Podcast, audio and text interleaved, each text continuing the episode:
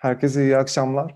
Ee, Kesişen Yollar Derneği'nin bu akşamki konuğu e, doçent doktor Esin Ergen Pehlavan. Ee, Kendisi İTÜ İnşaat Mühendisliği öğretim üyesi hocamız. Ee, Ben biyo- biyografisinin videonun altında olması gerekiyor. İsterseniz oradan da göz atabilirsiniz.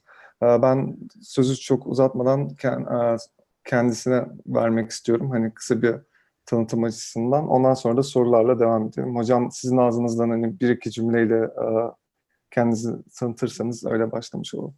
Tamam. Öncelikle çok teşekkür ederim beni davet ettiğiniz için.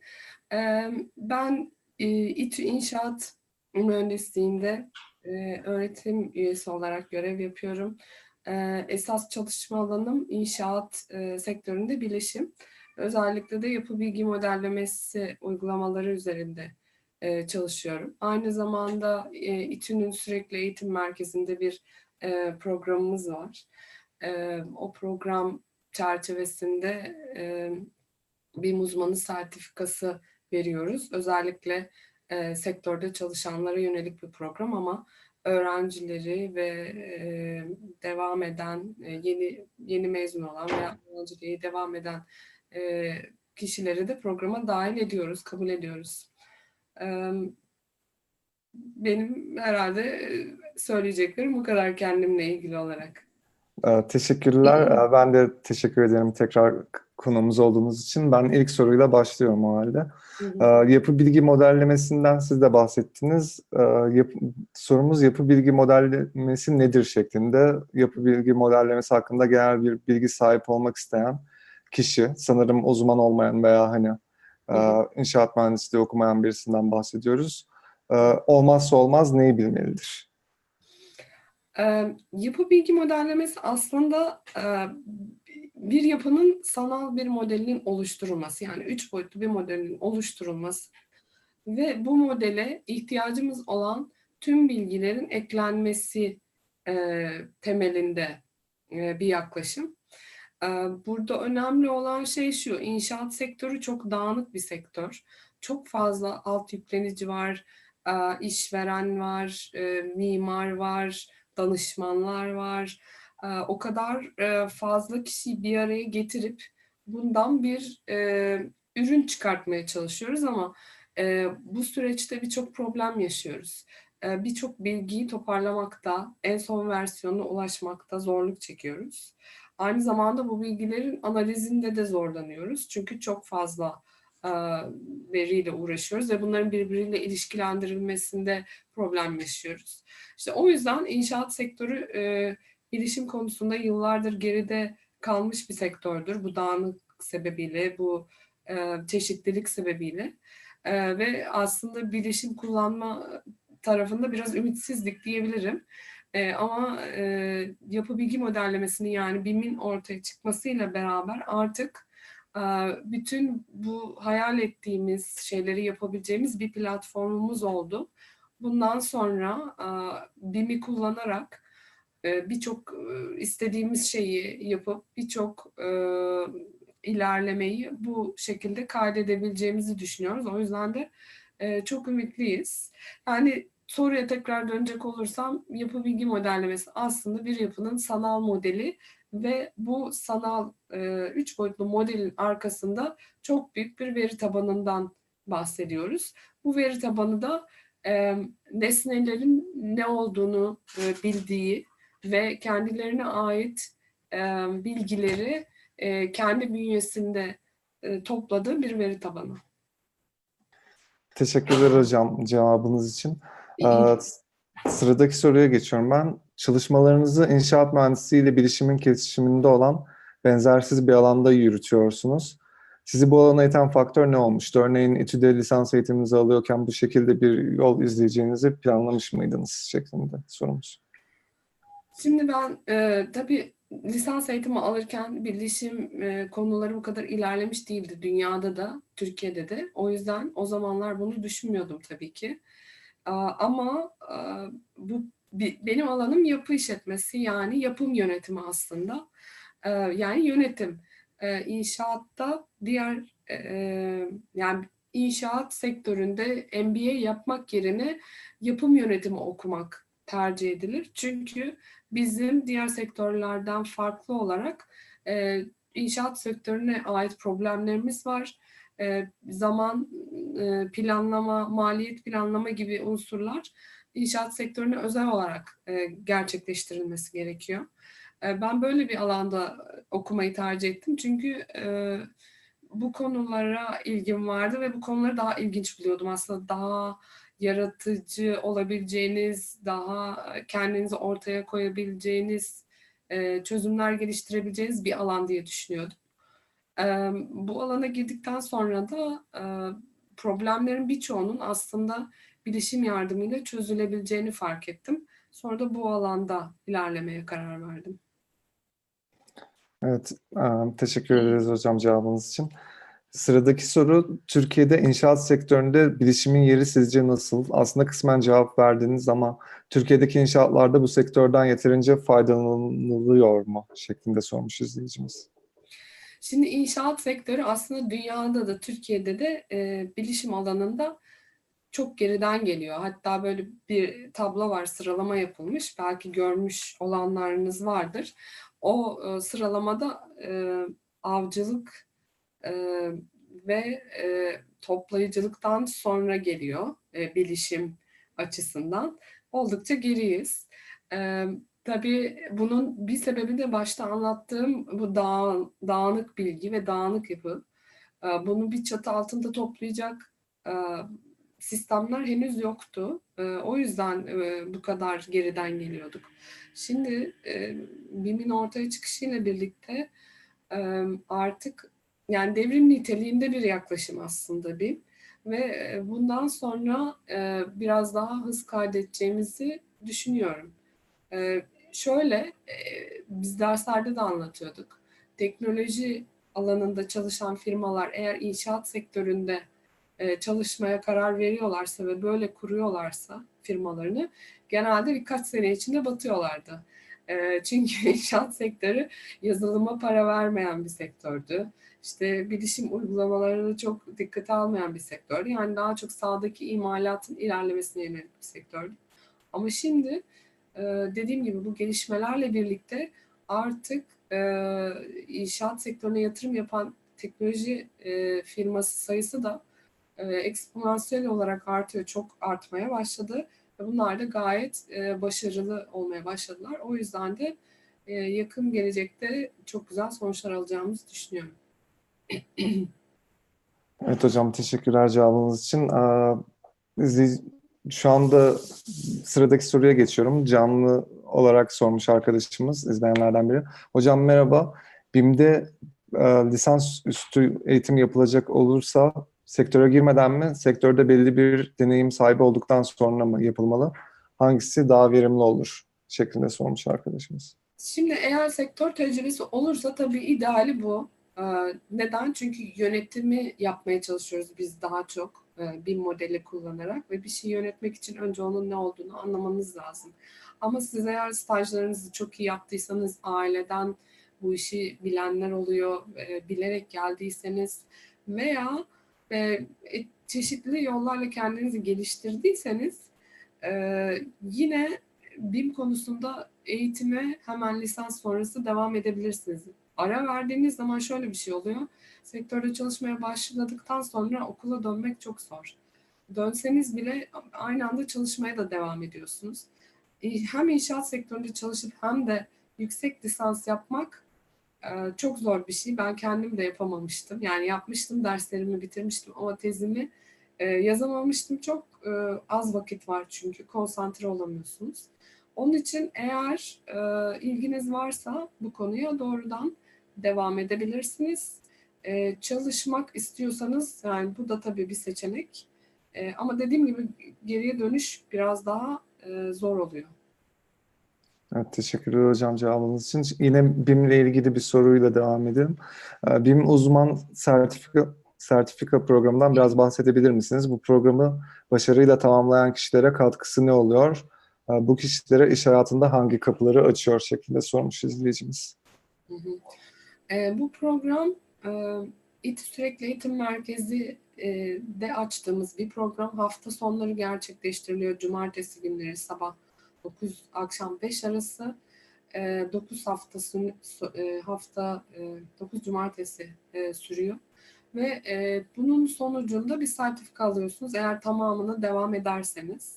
E, üçüncü kurumuz tamamen sınav. Yani üç gün boyunca sınav oluyorsunuz.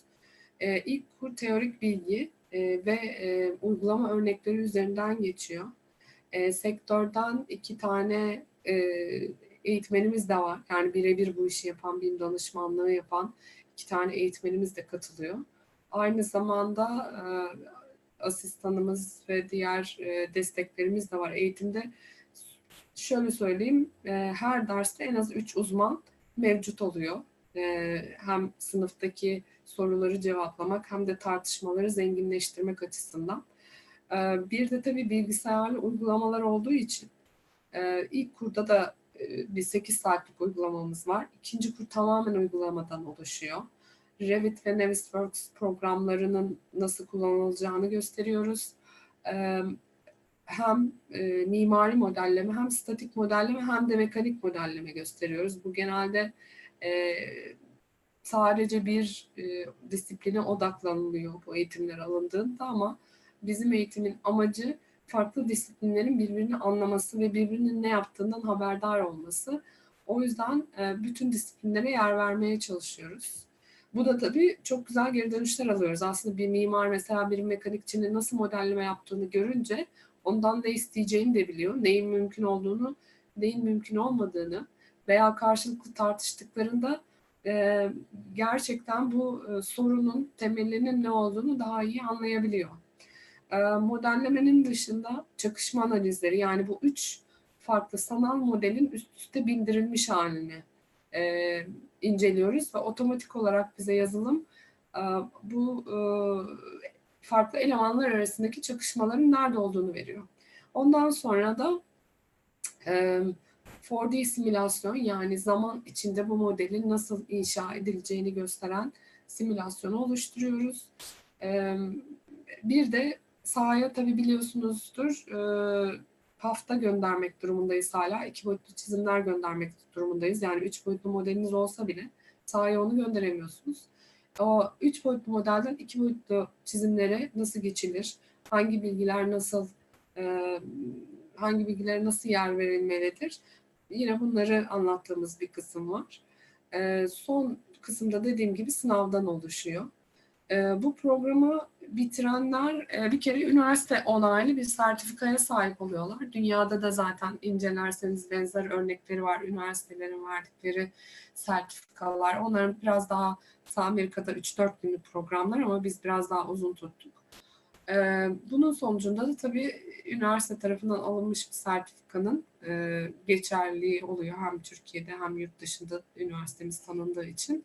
E, bunun yanı sıra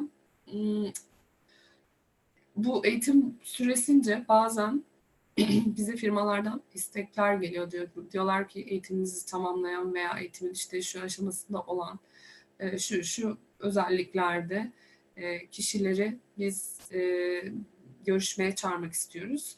Eğitime devam ederken bu şekilde iş fırsatlarıyla karşılaşan kişiler de oluyor. Ama tabii ki şöyle bir şey diyemem yani bu eğitimi tamamladığınızda yüzde yüz iş garantisi vardır. Şu pozisyonda başlarsınız zaten öyle bir şey hiçbir alanda mümkün değil herhalde. Tamamen gerisi size kalıyor. Kendinizi geliştirip e, projelerde uyguladıkça e, daha uzmanlığınızı geliştiriyorsunuz. Evet, yeterince detaylı bir cevap oldu sanırım. Çok teşekkürler, ayrıntılı açıkladınız. Ee, sıradaki sorumuz yine BİM uzman e, BİM programı ile ilgili. BİM uzmanı sertifika programına başvurmak için inşaat mühendisliği okumak gerekli midir diye sormuş izleyicimiz daha öncesinde sanırım. Bu programdaki öğrencilerin profillerinden kısaca bahsedebilir misiniz? İnşaat mühendisleriyle sınırlı tutmadık. Dediğim gibi aslında bizim amacımız yani daha uzmanlaşacağınız farklı eğitimler var ama bizim eğitimimizin amacı farklı disiplinleri bir araya getirmek hem birbirlerinin problemlerini anlamalarını sağlamak hem de birbirlerinin nasıl çalıştığını anlamalarını sağlamak. Çünkü aslında BİM temelinde neden e, geliştirildi. E, farklı disiplinler birbirleriyle iletişim kursunlar ve bilgi akışını iyileştirelim diye geliştirilmiş bir yaklaşım. Bu çok aslında unutuluyor zamanla ve sadece şöyle bir algı oluştu. E, BIM üç boyutlu bir model, oluşturmaktır. E, yani binanın sanal bir modelini oluşturmaktır diye düşünülüyor. Ne arkasındaki veri tabanı ne de diğer disiplinlerle ortak çalışma fikri akla gelmiyor. Bunu biz öne çıkartmak için bütün disiplinlerden e, katılımcı alıyoruz.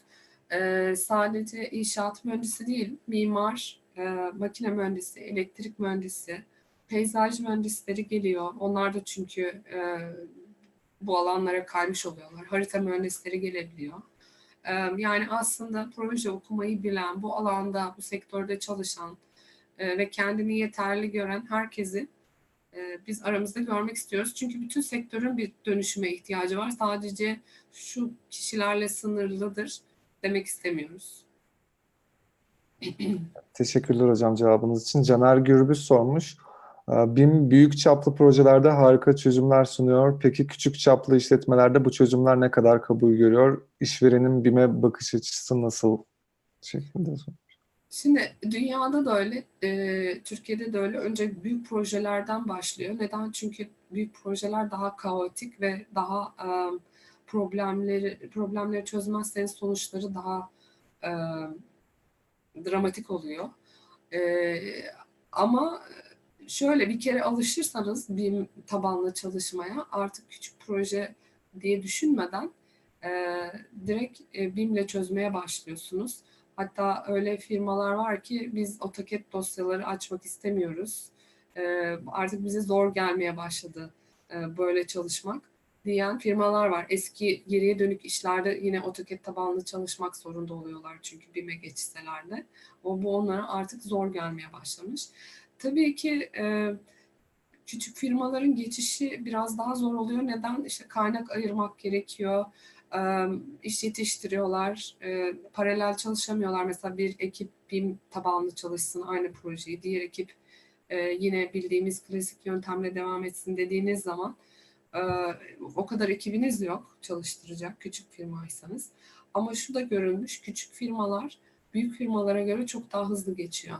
Yani bir kere geçmeye karar verdiklerinde de ki böyle bizim eğitime gelip e, bu fikri benimseyip daha sonra firmasına kabul ettiren, daha sonra firmadan bir iki kişi de, de eğitim alıp e, hızlıca geçen firmalar da var.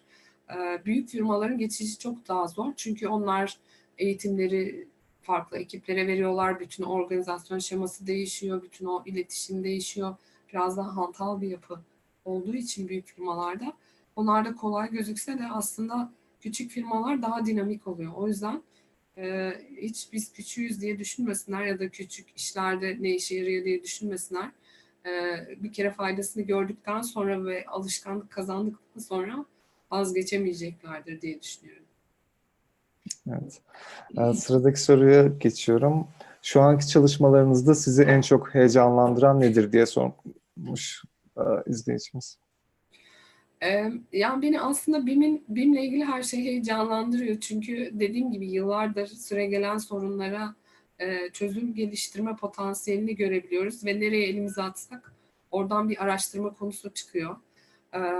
Mesela en son biz şuna çalışıyoruz. Sahada bir mesela kabası biten yani işte kolon kirişi olan bir alana bakıyorsunuz ve arttırılmış gerçeklik gözlüğüyle onun bitmiş halini veya istediğiniz kısımlarının bitmiş halini görebiliyorsunuz. Bu da çok zor bir şey değil zaten.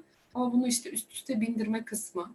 Yani baktığınız yere, baktığınız açıdan e, modeli görebilme e, konusunda bazı çalışmalar yapıyoruz. Onu bindirdiniz ama kafanızı çevirdiğiniz zaman e, bu üst üste binme e, veya yürüdüğünüzde kaybolabilir. Bunları nasıl e, daha optimal optimize edebiliriz. E, bu konuda çalışmalar yapıyoruz. Bunun dışında mesela e, benim yaptığım bir çalışma değil ama yine bizim alanda e, dronlarla e, veya robotlarla sahadan veri toplanması çalışmaları gerçekleştiriliyor. Bu da beni çok heyecanlandırıyor çünkü bizim en büyük problemlerimizden bir tanesi sahadan veri toplanması.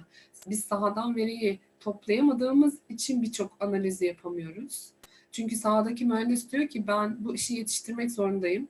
E, açılış var şu tarihte ve e, siz benden rapor istiyorsunuz. O dikkate almıyor. Hatta kavga ediyorlar ben bununla uğraşamam diye. E, biz de eğer sahaya gidecek elemanımız yoksa, bu veriyi toplayacak elemanımız yoksa o gecikmiş veriyle bir bazı veya eksik veriyle bazı analizler yapmaya çalışıyoruz. E, belki işte bilişimden bu kadar uzak oluşumuzun bir sebebi de bu. Bazı elimizde araçlar var ama e, veriyi toplayamıyoruz.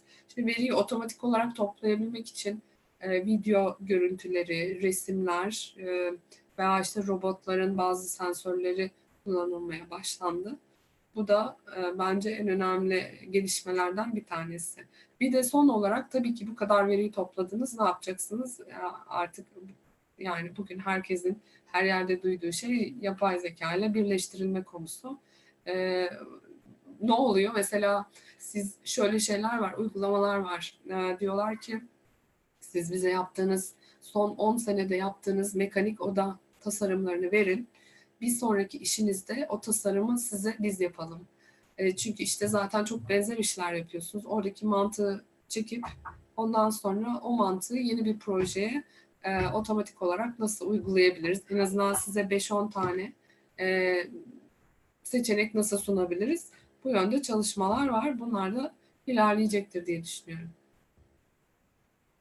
Evet, teşekkürler hocam cevabınız için.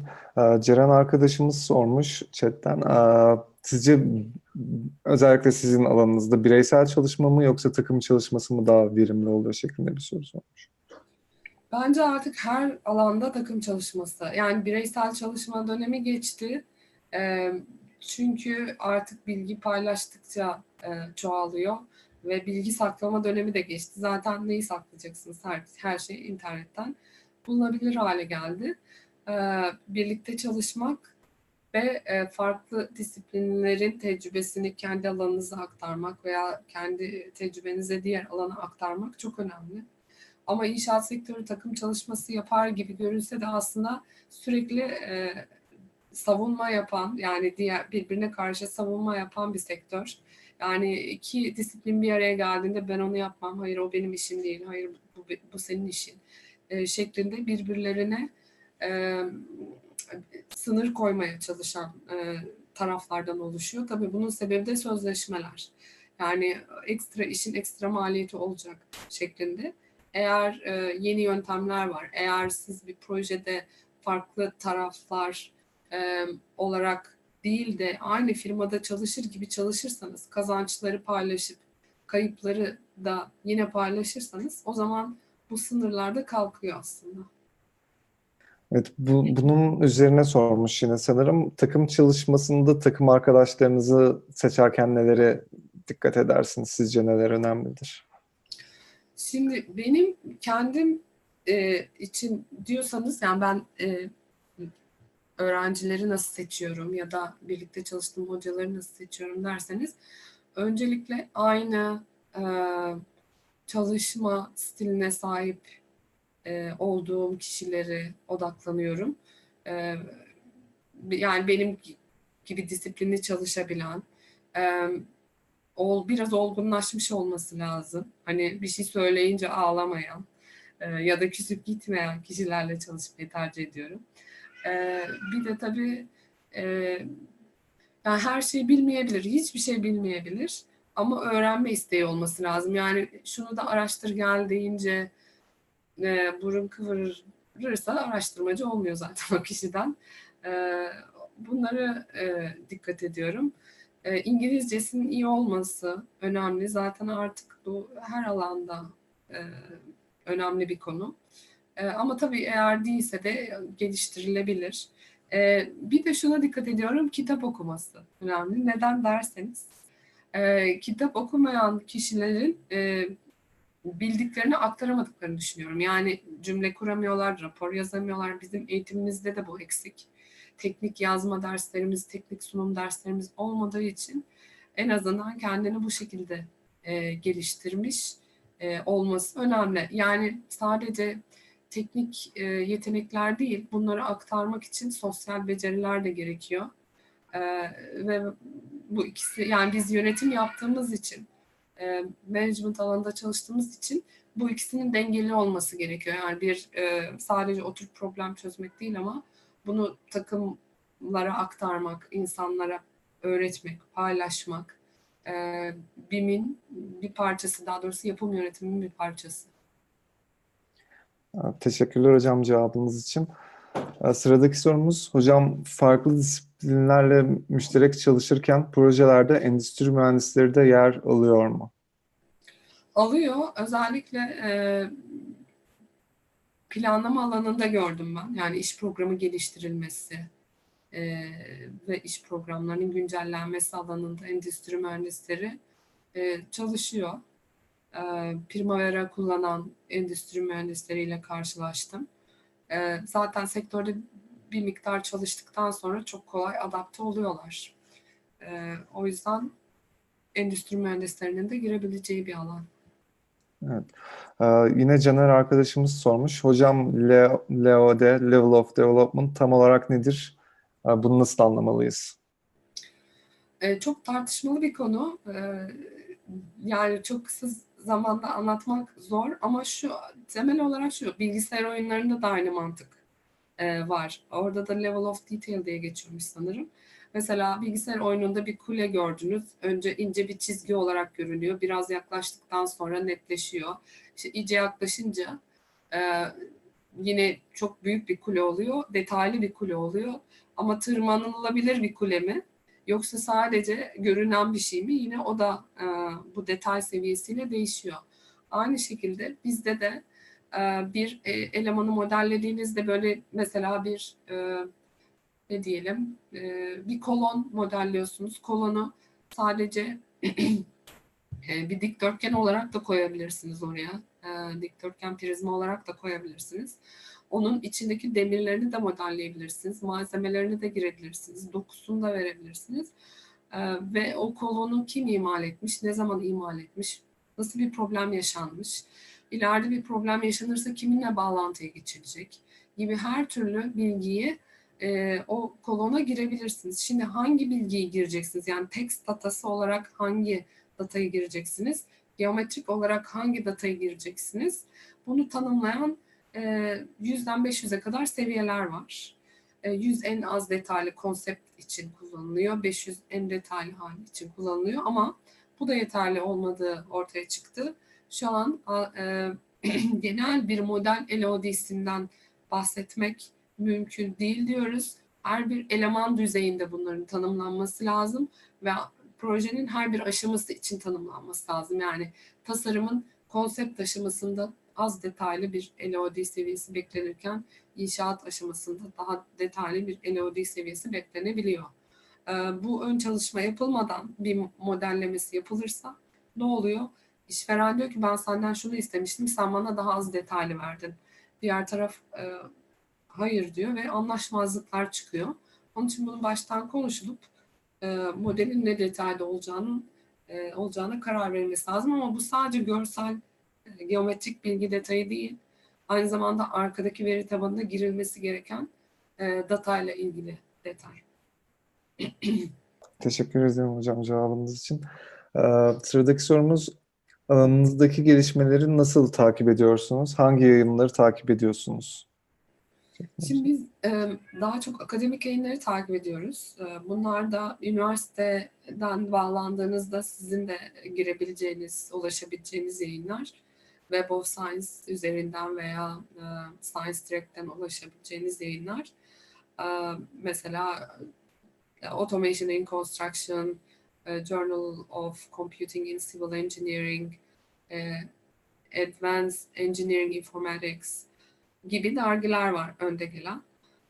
Biz daha çok bunları takip ediyoruz ama sektör bilgisi de çok önemli çünkü bazen sektördeki ilerlemeler daha hızlı olabiliyor. Yani sektörden de çok şey öğreniyoruz. Bunun için de gerçekleştirilen seminerlere, etkinliklere, kullanıcı deneyimleri etkinliklerine katılıyoruz.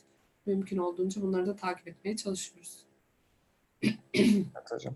Ee, sıradaki sorumuz sanırım bir inşaat mühendisliği öğrencisi arkadaşımızdan. Ee, inşaat mühendisliği öğrencilerine kendilerini nasıl geliştirmelerini tavsiye edersiniz? Özellikle yapı bilgi modellemesi alanına yönelmek isteyen bir öğrenci üniversite eğitimine başladıktan itibaren neler yapmalıdır şeklinde sormuş arkadaşımız.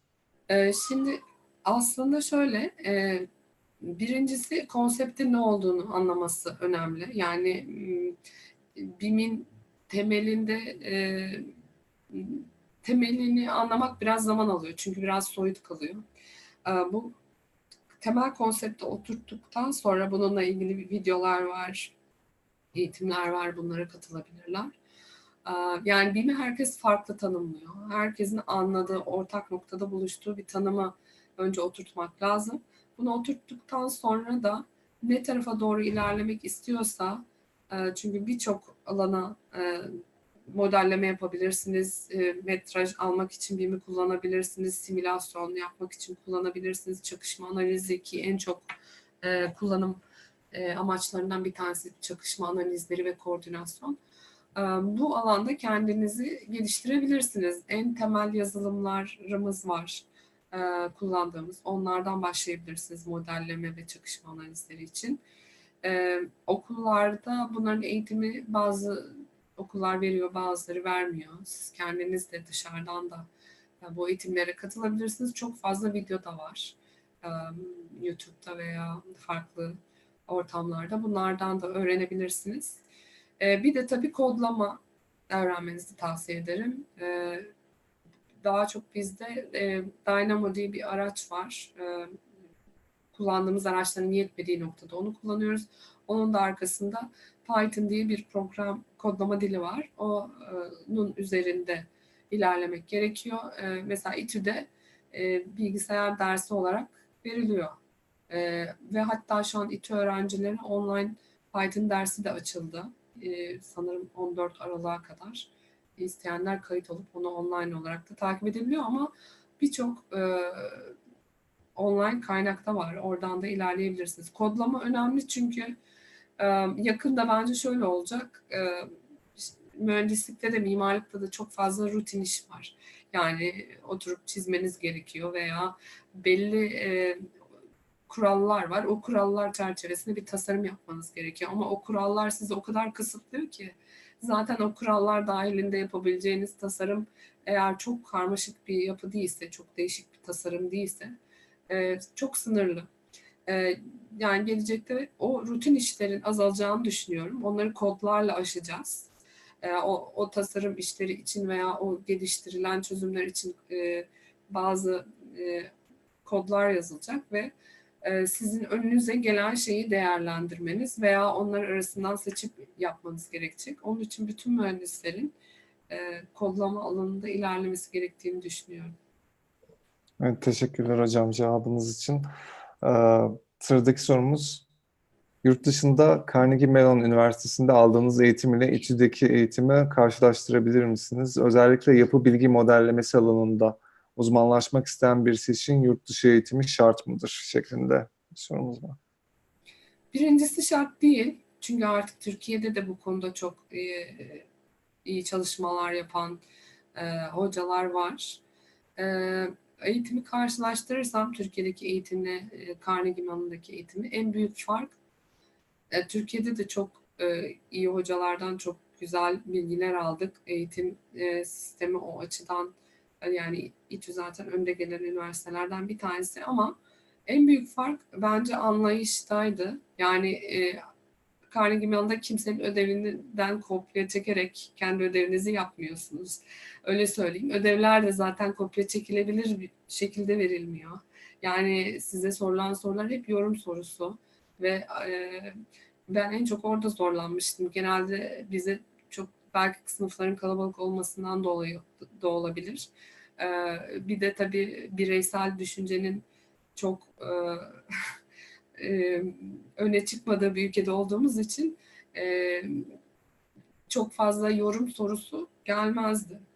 Onun için yorum yapmaya e, çok hazır değildim ben Amerika'ya gittiğimde. Onu orada öğrendim. Yani kritik düşünce dediğimiz bir problem karşısında e, neden, nasıl sorularını sormak. Ben bunu nerede uygulayabilirim? Nerede işime yarar? Peki böyle olursa ne olur gibi. E, yani sadece size sunulan bilgiyi almak değil, aldığınız bilgiyi özümseyip o bilgi üzerinden sorular sorabilmek, yorumlar yapabilmek. E, benim Carnegie Mellon'da e, öğrendiğim bir e, şeydi. E, İTÜ'de de tabii bu, bunu uygulayabildiğimiz dersler vardı ama e, dediğim gibi sınıfların çok kalabalık olması her zaman buna imkan vermiyor. Yani bu kadar katılımcı bir ders olduğunda dersi zamanında bitirmek de mümkün olmuyor. Ama orada tabii sınıflar 15-20 kişiyle sınırlı olunca çok daha e, kritik düşünceyi geliştiren bir ortam oluyordu. Bir de tabii e, yine sınıf kalabalığıyla ilgisi olabilir. E, orada her hafta ödevimiz oluyordu. E, ve çok kapsamlı ödevlerdi. Hiçbir zaman tam olarak bitiremiyorduk ödevleri. E, ama çok fazla şey öğrenebildiğimiz ödevler oluyordu. E, şimdi Türkiye'de mesela hani aynı sistemi öğrencilere uygulamaya çalışırsak e, ben zaten onu ara ara söylüyorum e, isyan ederler yani o kadar e, İTÜ'yü şu haliyle çok ağır bulan öğrencilerimiz var ama bir de işte yurt dışındaki e, ortamı e, gördüklerinde e, aslında arada bir, bir fark olduğunu görecekler. E, şöyle bir şey var. Özellikle doktora yapmak istiyorsanız, master yapmak istiyorsanız hoca çok önemli. E, yani hangi okula gittiğinizden daha da önemlisi hangi hocayla çalıştığınız. E, hocayı seçerken de yayınlarına e, bakmanızı tavsiye ederim. E, en son yaptığı yayınlar hangi alanda, hangi dergilerde yayınlanmış, önde gelen dergilerde yayınlanmış mı? E, belki mesela danışmanlık işleriyle kendini geliştiren bir hoca olabilir. O hangi projelerde, hangi danışmanlıklar yani çok belki bu pek duyurulan bir bilgi değil ama bu da yine e, sizi zenginleştirecektir. Şimdi ben bana da bunu zamanda söylediler. O zaman ben öğrenciyken ben hoca seçme lüksüm var mı acaba yani hocayı yayınlara bakarak seç veya işte e, akademik performansına bakarak seç demişlerdi ben giderken de. Ama ben o kadar e, da seçeneğim olduğunu düşünmüyordum ama aslında var. Eğer ortalamanız yüksekse, İngilizceniz iyiyse e, hocalar da sizin gibi öğrencileri arıyorlar. E, bir de mesela burada master yaptığınız hoca daha sonra doktora yapmak istiyorsunuz yurt dışında. Eğer o hocanın bağlantıları varsa ve sizden memnunsa sizi iyi bir yere e, önerecektir. Yani yerleşmenizde e, yardımcı olacaktır. Bana çok soruyorlar. E, Amerika'dan veya e, İngiltere'den, önde gelen üniversitelerden iyi öğrencim varsa gönder ama sadece iyi öğrencileri gönder diye. Onun için gerçekten e, emin olmadığımız öğrencileri de tavsiye etmiyoruz. E, ama dediğim gibi e, Türkiye'de de çok iyi hocalar var e, ve bu konuda çalışmalar e, devam ediyor. E, şöyle bir şey vardır doktora da özellikle. E, doktora hocanın hocası kimse sen onun torunu sayılırsın. E, şimdi mesela e, benim hocamın hocası e, 4D alanında BIM alanında çok önde gelen bir hocaydı Martin Fisher. Ben Martin Fisher'ın torunu sayılıyorum. Benim e, benimle doktora yapan Gülşans Güven diye bir e, öğrencimiz vardı şimdi o Özyeğin'de hoca. O da e, benim danışmanım Burcu Akıncı'nın torunu sayılıyor. Neden? Çünkü o kadar e, danışmanın çalışma e, teknikleri size geçiyor ki adeta onun bir kopyası haline geliyorsunuz ya danışmandan kendi danışmanımın yazdığı yorumları kendi öğrencilerime yazarken buluyorum. E, o yüzden e, yani sadece o hoca değil, o hocanın daha önce birlikte çalıştığı danışmanına kadar zincirleme birçok şey etkili olduğunu söyleyebilirim. Evet, e, aydınlatıcı bir cevap oldu hocam. Çok teşekkürler. Özellikle doktora düşünen arkadaşlarımız için. Muhtemelen. E, sıradaki sorumuz İnşaat yönetimindeki gereksinimleri ve zorlukları dikkate aldığınızda ne gibi teknolojik yatırımların gelecek 10 yılda yapılacağını tahmin ediyorsunuz? Diğer bir deyişle gelecek 10 yılda teknolojik açıdan ne tür bir gelişim inşaat yönetimine yeni bir boyut ve yapı kazandırır? Ee, şimdi e, daha önce de bahsettiğim gibi otomatik veri toplaması, toplanması bence çok gelişecek e, robotlarla, dronlarla, videolarla, resimlerle bir kere bu veriyi toplamamız lazım sahadan. E, ondan sonra durum değerlendirmesi yapabiliriz. Topladıktan sonra da bunu modelle, bir modeliyle birleştirdiğimiz zaman çok çeşitli analizler yapabiliriz. Ee, bu, bunun sonucunda aslında şöyle inşaat sektörünün tüm sorunlarını çözebilecek bir altyapımız var. Neyi hayal ediyorsanız olabilecek e, bir noktadayız. O yüzden de devrim niteliğinde bir yaklaşım diyoruz. Bir 10 sene içinde birçok problemin e, çözüleceğini düşünüyorum. E, dediğim gibi rutin işler, mesela işte şu şu standartlara bakarak tasarım yapın veya şu şu kriterleri göz önüne alarak analiz yapın gibi şeyleri artık kodlarla çözebileceğimizi düşünüyorum. Bize de çok daha vakit kalacak başka şeyler yapmak için, yaratıcı çözümler geliştirmek için.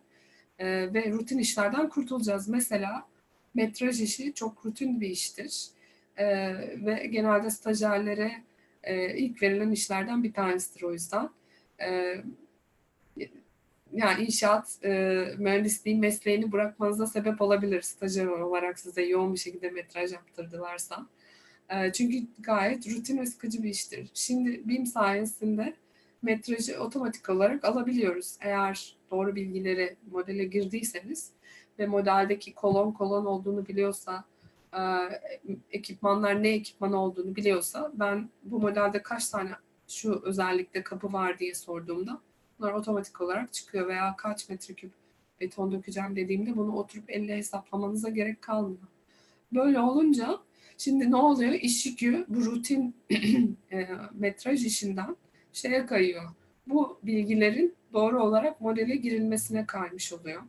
Yani yine uğraşmıyor muyuz? Çünkü şu soru da geliyor o zaman dijitalleşeceğiz ve herkes işinden mi olacak? Hayır.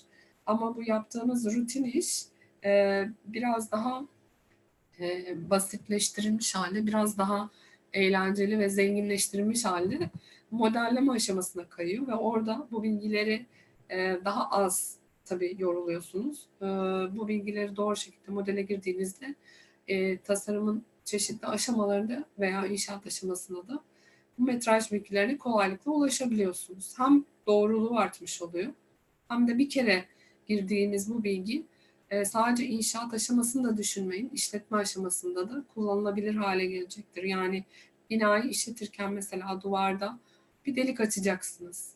E, normalde nasıl açıyorsunuz? Bayağı hiç arkasını kontrol etmeden delik açıyorsunuz ve bir boruya denk gelme olasılığı var. E, ama elinizde sanal bir model olduğunda birazcık da tabii modeli model içinde dolaşabilme yetiniz varsa Bunları da yine kolaylaştırma yönünde çalışmalarımız var. Mesela oyun motoruna yükleyip herkesin içinde dolaşabileceği bina modelleri oluşturmaya e, çalışıyoruz ki bunlar da yapılabiliyor. E, o, orada o duvarı kaldırıp arkasında hangi tesisat var bunu kontrol etmek çok daha kolay olacak. Böylelikle bina kullanım aşamasında da e, bu teknolojinin faydasını görebileceksiniz. Yani eğer bu meslekten değilseniz bile bir ev aldığınızda o evde e, hangi duvarı yıkabilirim, hangisi taşıyıcı duvar, e, hangisi kolon bunları kolaylıkla görebileceksiniz. Evet hocam. Sıradaki sorumuz yine doktora programlarıyla ilgili. Aslında başvururken nelere dikkat edilmesi gerektiğine siz daha önceden kısaca bahsetmiştiniz ama soru direkt onun, bununla ilgili olduğu için ben yine aktarayım eğer eklemek istediğiniz bir şey varsa. Carnegie Mellon Üniversitesi özellikle bilgisayar bilimleri alanında önde gelen üniversitelerden bir tanesi. Siz bu üniversiteye doktora başvurusunda nelere dikkat etmiştiniz? Sizce doktora kabulü almanızda neler etkili olmuştu? Ee, neye dikkat ettim? E, referanslar önemli. E, benim mesela bir referansım dekandandı. E, onun dışında e, tabii ortalama çok önemli. Bunu hep söylüyorum. Bütün öğrencileri söylüyorum. Mesela öğrenciler geliyor diyorlar ki bizim için ben 50-60 alsam derslerden yeterli olur. Çok büyük bir ortalama yapma. Hatta şöyle diyorlar ortalama kasmak istemiyorum. Şimdi bu belki birinci sınıfsınız, ikinci sınıfsınız böyle düşünüyorsunuz. Biraz gezeyim tozayım, dersleri de bir kenara bırakayım ama birkaç sene sonra fikriniz değişebilir ve master'a başvururken, doktoraya başvururken lisans ortalamanıza bakıyorlar master ortalamanıza bakmıyor doktoraya başvururken. Lisanstaki performansına bakıyor. ve eğer 3'ün altındaysa ortalaman o zaman bir yere girmek biraz zor. Ee, onun için mutlaka 3'ün üstünde bir ortalama getirmeye çalışın. Ee, onun dışında İngilizce puanınızın yüksek olması önemli. İngilizcenizi artık İngilizce de problem olmadığını düşünüyorum ben. Çünkü oyun oynayan, e, sürekli internetten film izleyen birinin İngilizcesinin gelişmemesi mümkün değil. E, bu küçük çocuklarda bile görüyorum ben bunu. E, birazcık belki gramere çalışmak gerekiyor. Bir de tabii GRE sınavına girmiştik. Yine o sınavda geçerli sanıyorum. Ve bu sınavlardan da yani genel yetenek sınavı gibi bir şey. Bu sınavlardan da yüksek bir e, sayı tutturmanız lazım. Zaten e, bizim için e, matematik kısmı çok kolay. Yani tam puan alıyorsunuz hiç çalışmadan bile. Çünkü biz ÖSS, ÖYS'den artık şimdi ne deniyor tam bilmiyorum ama üniversiteye giriş sınavından geçerek geldiğimiz için o kısım bizim için çok kolay. Ee, onun dışında bir genel yetenek kısmı vardı. Orada birazcık çalışmak gerekiyor. İngilizce kısmında da e, çok iyi olmasanız bile TOEFL'ınız iyiyse bu onun yerine geçebiliyor. Ama en en önemlisi yani bunları sağladığınız bir kere sağlamanız lazım. Bunları da sağladıktan sonra en önemlisi bir referanslarınız. Sizi kim öneriyor o üniversiteye? Eğer mesela ben öneriyorsam Carnegie Mellon'a e, büyük olasılıkla eğer iyi bir mektup yazdıysam girersiniz. Çünkü neden ben ben oradaki hocanın da istediğini biliyorum e, ve ona uymayan bir öğrenciyi zaten göndermem. E, yani çok büyük bir terslik olmazsa girme ihtimaliniz yüksek diyeyim. E, ama ben mesela yine mektubunuzu yazdım ama hiç bilmediğim, hiç tanımadığım bir üniversitede, o hoca, o üniversitedeki hocaların hiçbirini tanımıyorum. O zaman e, yani o hoca beni tanımadığı için benim yazdığım referansa da e, tam güvenemiyor diyeyim. Bu durumda ne oluyor? Bazen mesela sizinle online röportaj yapıyorlar, görüşme yapıyorlar. Veya diyelim ki o ülkeye gitme şansınız oldu. Ee, eğer öyle bir şansınız varsa mutlaka gidin o hocaları yerinde ziyaret edin. Sizinle yüz yüze konuşmaları ve sizin yarattığınız intiba çok önemli. Ee, onun dışında bir de şu var. Mesela benim öyle bir öğrencim vardı. Ee, lisanstayken BİM'le çok ilgiliydi. BİM'le ilgili her türlü etkinliğe geliyordu. Ee, mesela e, giremediği zaman e, davetiye için benden yardım istediği bir etkinlik olmuştu. Ben de girmek istiyorum diye ona ben davetiye ayarlamıştım. Ama gidiyor ve etkinlikte gerçekten kendini elinden geleni yapıyor. İnsanlarla tanışıyor, kendini ifade ediyor. İşte Turner'ın bir üst düzey yetkisiyle tanışmış, onunla bir bağlantı kurmuş. Sonra o kişi Amerika'ya gittiğinde ona bazı başvurabileceği, Turner'da çalışmak istiyordu başvurabileceği programlar önermiş. Yani bağlantıyı devam ettirmişti. Ee, sonra biz bu öğrenciyle bir tane bildiri de hazırladık. Yani bir projeniz varsa çalışmak istiyorum diyordu. Bildiri yazmaya açıktı. Ee, eğer bu tür ekstra etkinlikleriniz olursa bunlar da tabii büyük artı oluyor. Bir kere bildiri yazmak ne demek? Bildiri yazmayı biliyorsunuz demek. Gideceğiniz hoca size bunu öğretmek zorunda değil. Zaten birisi öğretmiş bu akademik yazma stilini öğrenmeniz lazım. Zaten öğretmiş ve buna yatkınsınız demektir. Ee, onun için eğer bir bildiriniz, yani makale olması biraz zor ama en azından bir bildiriniz varsa e, ve bu konudaki etkinliklere katıldıysanız sizin için artı. Kodlama biliyorsanız sizin için artı. Özellikle bizim alanda. Evet, teşekkürler hocam cevabınız için. Caner arkadaş, ya aslında ee, bununla ilgili de birkaç e, cümle söylemiştiniz ama geldiği için ben yine aktarmak istiyorum. Ee, hocam Türkiye'de BİM alanında istihdam ne durumda? Şeklinde bir sorumuz var.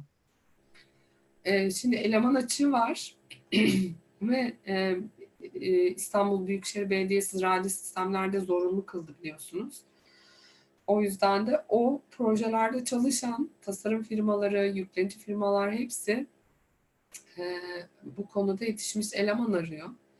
E, şimdi tabii genel olarak inşaat sektöründe bir durgunluk var ama e, bu projelerde devam edeceği için e, aslında iyi bir e, açık var yeni mezunlara veya biraz tecrübesi olan kişileri e, bu konuda çalışmalarını tavsiye ediyorum. Çünkü mesela bir BIM manager olmanız, Türkiye'de BIM manager de çok az olduğu için e, bu konuda çalıştığınız e, bir süre sonra e, bu pozisyona çok daha kısa sürede gelebiliyorsunuz. Mesela BIM koordinatörü işte bir 4-5 yıl içinde veya bazı firmalar alıyor e, diyor ki sen bizim e, BIM koordinatörümüz ol. Hem yetiştiriyor hem projede e, çalışıyor ve bu şekilde firmanın seçtiği kişi olarak kendini yetiştirme süreci de firmada çalışma sürecine dahil oluyor. Öne açık bir alan ama sürekli öğrenmeniz gereken, sürekli kendinizi geliştirmeniz gereken bir alan. Hani ben işe gireyim ondan sonra e, iş kendi kendine yürüsün gibi bir şeyi yok. Hani bugün kullandığınız programı yarın belki terk edeceksiniz. Daha iyisi çıkacak. E, bugün kullandığınız yöntem yarın işe yaramayabilir. Çünkü hala gelişiyor. Hala e, eğitimlerle e, bir noktaya gelmeye çalışıyorsunuz. E, BİM konusunda çalışacaksanız en önemlisi kendinizi yetiştiriyor olmanız. Evet hocam teşekkürler cevabınız için. Sıradaki soruyu ben de aslında çok merak ediyorum. Yapay zeka ve makine öğrenimi teknikleri günümüzde ilerlemiş bir durumda. İnşaat mühendisliğinde bu alanlardan biri sayabilir miyiz? Yapay zeka uygulamaları kullanılıyor mu? Yani bu, bu yani bununla ilgili de aslında birkaç e, bahsettiğiniz biraz ama genel olarak yapay zeka e, çerçevesinde incelersek şu anki inşaat mühendisliğinin durumunu ve gelecekte nereye gidebilir, neler yapılabilir daha başka şeklinde. Çok fazla potansiyeli var tabii ama bizim önce dijitalleşmemiz lazım ki yapay zekadan konuşalım. Biz arkadan geliyoruz unutmayın abi. Avcılık ve toplayıcılıktan sonra gelen sektörüz. Hani bir, bir bankacılık sektörü değiliz. Ee, onun için yerimizi de bilmemiz lazım. Ee, önce dijitalleşelim ve, ve her şeyi artık sanal ortamda çözmeye çalışalım. Veri tabanlarımızı birleştirelim ve bir modeliyle ilişkilendirelim. Ve birlikte çalışmayı öğrenelim. Bu dağınık yapıdaki e, işveren, mimar, mühendis birbirinin ne yaptığından haberdar olarak çalışmayı öğrensin. E, ondan sonra e, zaten o veri de oluşmaya başlayacak. Sensörler yoluyla toplanacak. İşte sağdan fotoğraflar gelecek. E, farklı e, birçok modeliniz olacak. Bir modeliniz olacak. Çok zengin veri içeren yani veri olmadan yapay zeka olmaz zaten e, o bu, bunlar oluştuktan sonra yani belli bir noktaya geldikten sonra da birçok analiz e, gerçekleştirilebilir ve e, yapay zekanın birçok imkanları kullanılabilir hale gelebilir ama ilk etapta yani o kadar hızlı ilerleyemeyiz. O bizim hedefimiz olarak duruyor. Ama o yönde e, önce dijitalleşmemiz lazım. Evet. Ee, gelen sorular e, daha önce bahsettiğiniz konularla ilgili olmaya başladı. Ben bu arkadaşlara videonun tamamını izlemelerini öneriyorum. Son iki soru sorup isterseniz yavaş yavaş toparlayabiliriz. Ee, bir tanesi 10 yıl geriye dön. Ya bu bu son iki soru bizim genellikle konuşmacılarımıza sorduğumuz sorulardan. 10 yıl geriye dönsem farklı yapardım dediğiniz şeyler var mı sizin? Veya belki yıl e, süresini başka bir şekilde hani cevaplayabilirsiniz. 15 yıl, 20 yıl, 10 yıl, 5 yıl. Um, farklı yapardım dediğim. Um, yani şöyle um, arkadaşlara yönelik pek farklı bir şey yapmazdım. E, ama e, Amerika'dan Türkiye'ye döndüğümde adaptasyon e, döneminde farklı şeyler yapardım e, diye düşünüyorum. Yani e, buradan oraya gitmek de, oradan buraya gelmek de insanın aslında bağlantılarını tamamen koparıyor. Ve tekrar yerleşmeniz, tekrar bağlantıları kurmanız gerekiyor. Bu noktada biraz daha bu süreci hızlandırıcı şeyler yapabilirdim e, diye düşünüyorum. E, yani buraya adapte olmak da, oraya adapte, oraya daha hızlı adapte oldum çünkü hani belliydi aslında bitirmem gereken bir doktora programı vardı. Ama dönüşte e, buraya daha hızlı adapte olmaya çalışabilirdim diye düşünüyorum. E, yani o Amerika'dan Türkiye'ye dönünce tabii bir e, şey oluyor, adaptasyon sorunu oluyor. E, ama buranın e, yani zaman geçtikten sonra da şunu fark ettim. Buranın güzelliği de çok esnek ve e, kolay adapte olan insanlardan e, oluşan bir yapısı var ve e, yani o alanı yaşam alanını oluşturduğunuz zaman kendinize çok daha verimli çalışabilecek bir ortamınız oluyor. Geçmiş konuşmuşken kısaca gelecekle ilgili de bir soru sormuş olayım. Gelecek planlarınız ve e, hedefleriniz nelerdir şeklinde. Bir iki cümleyle belki. Ee, gelecek planlarım bu yönde çalışmaları devam etmek. Hedefim e, Türkiye'de BİM'in doğru bir şekilde yerleşmesinde e, yerleşmesine yardımcı olmak. Çünkü sektörümüz için çok önemli ve yanlış başlarsak e, ara açılıyor. Yani 10 yıl önce belki bizimle aynı noktada olan ülkeler birdenbire çok hızlandılar ve BİM konusunda çok ileri gittiler. İngiltere mesela bunun bir örneğidir. Bizim de hem hızlanmamız hem de temellerini doğru atmamız gerekiyor. İnşaat sektöründe aslında yüklenici firmalar açısından baktığımız zaman Türkiye dünyada INR listesi diye yüklenici firmaların listelendiği bir liste var. O listede her zaman e, üst sıralarda yer alıyor. Yani yüklenicilerimiz çok önemli işler yapıyor. Ama hep e, zorlanarak ve belli e, şeylerle mücadele ederek, belli zorluklara göğüs gererek bu başarıları elde ediyorlar.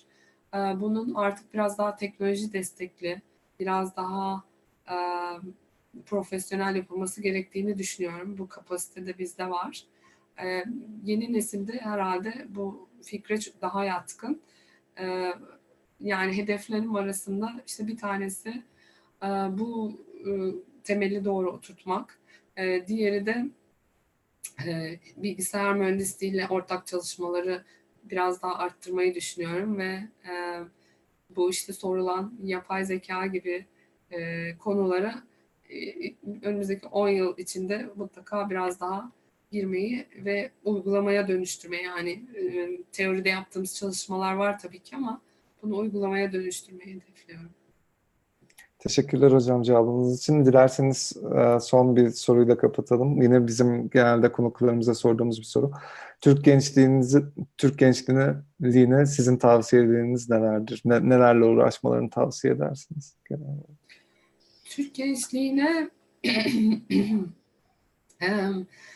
ilgilendikleri konularla uğraşmalarını tavsiye ederim. Bir kere hani hiç e, hoşlarına gitmeyen bir işi yapmasınlar. Çünkü ömür boyu o işi e, yapacaklar ve e, hoşlanmadığınız bir şey yapmanın sonuçları çok dramatik oluyor.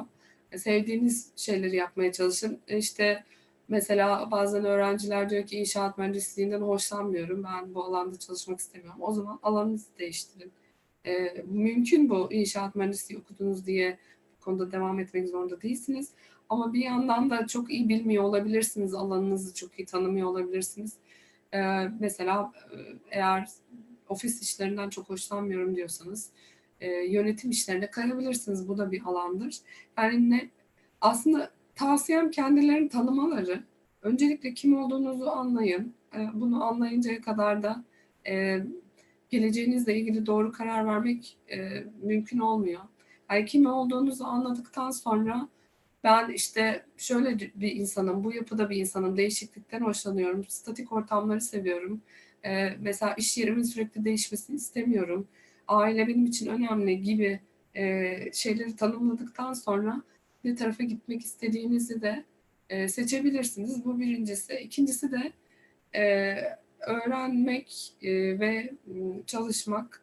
E, tam vazgeçmeyin çünkü bana bu da yeter. Ben çok da çalışmak istemiyorum, çok da yorulmak istemiyorum dediğiniz zaman o zaman vasat bir insan olup ileride e, hayatınızdan memnun kalmama riskini göze alıyorsunuz demektir.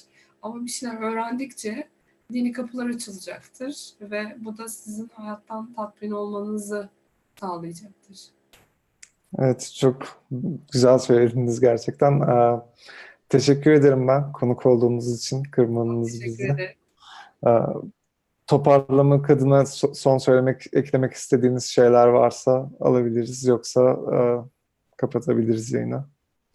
Ee, bu konuda e, yani sadece bu e, videoyla sınırlı kalmak zorunda değiliz. Yine soruları olanlar benimle bağlantıya geçebilir. Zaten e-mail adresim web sitemde bulunuyor. Ee, buradan bağlantıya geçerek ama şöyle olmasın lütfen işte şu konuda yapı bilgi modellemesi konusunda bir ödevim var. Bana kaynakları gönderir misiniz? gibi sorular. Yani birincisi sizin araştırmanız lazım. Kaynaklar her yerde. İkincisi de o kadar maalesef o kadar vaktim yok. Yani tek tek ödevlerinizin altyapısını hazırlayacak kadar. Ee, ama onun dışında hani benden öğrenmek istediğiniz spesifik e, konular varsa yardımcı olmaya hazırım. Teşekkürler hocam. Ee, Türkiye'deki izleyicilerimize iyi akşamlar di- dili- e, diliyorum ben veya dünyanın neresindeyseniz günaydın veya iyi akşamlar. Ee, Önümüzdeki yayınlarda görüşmek üzere.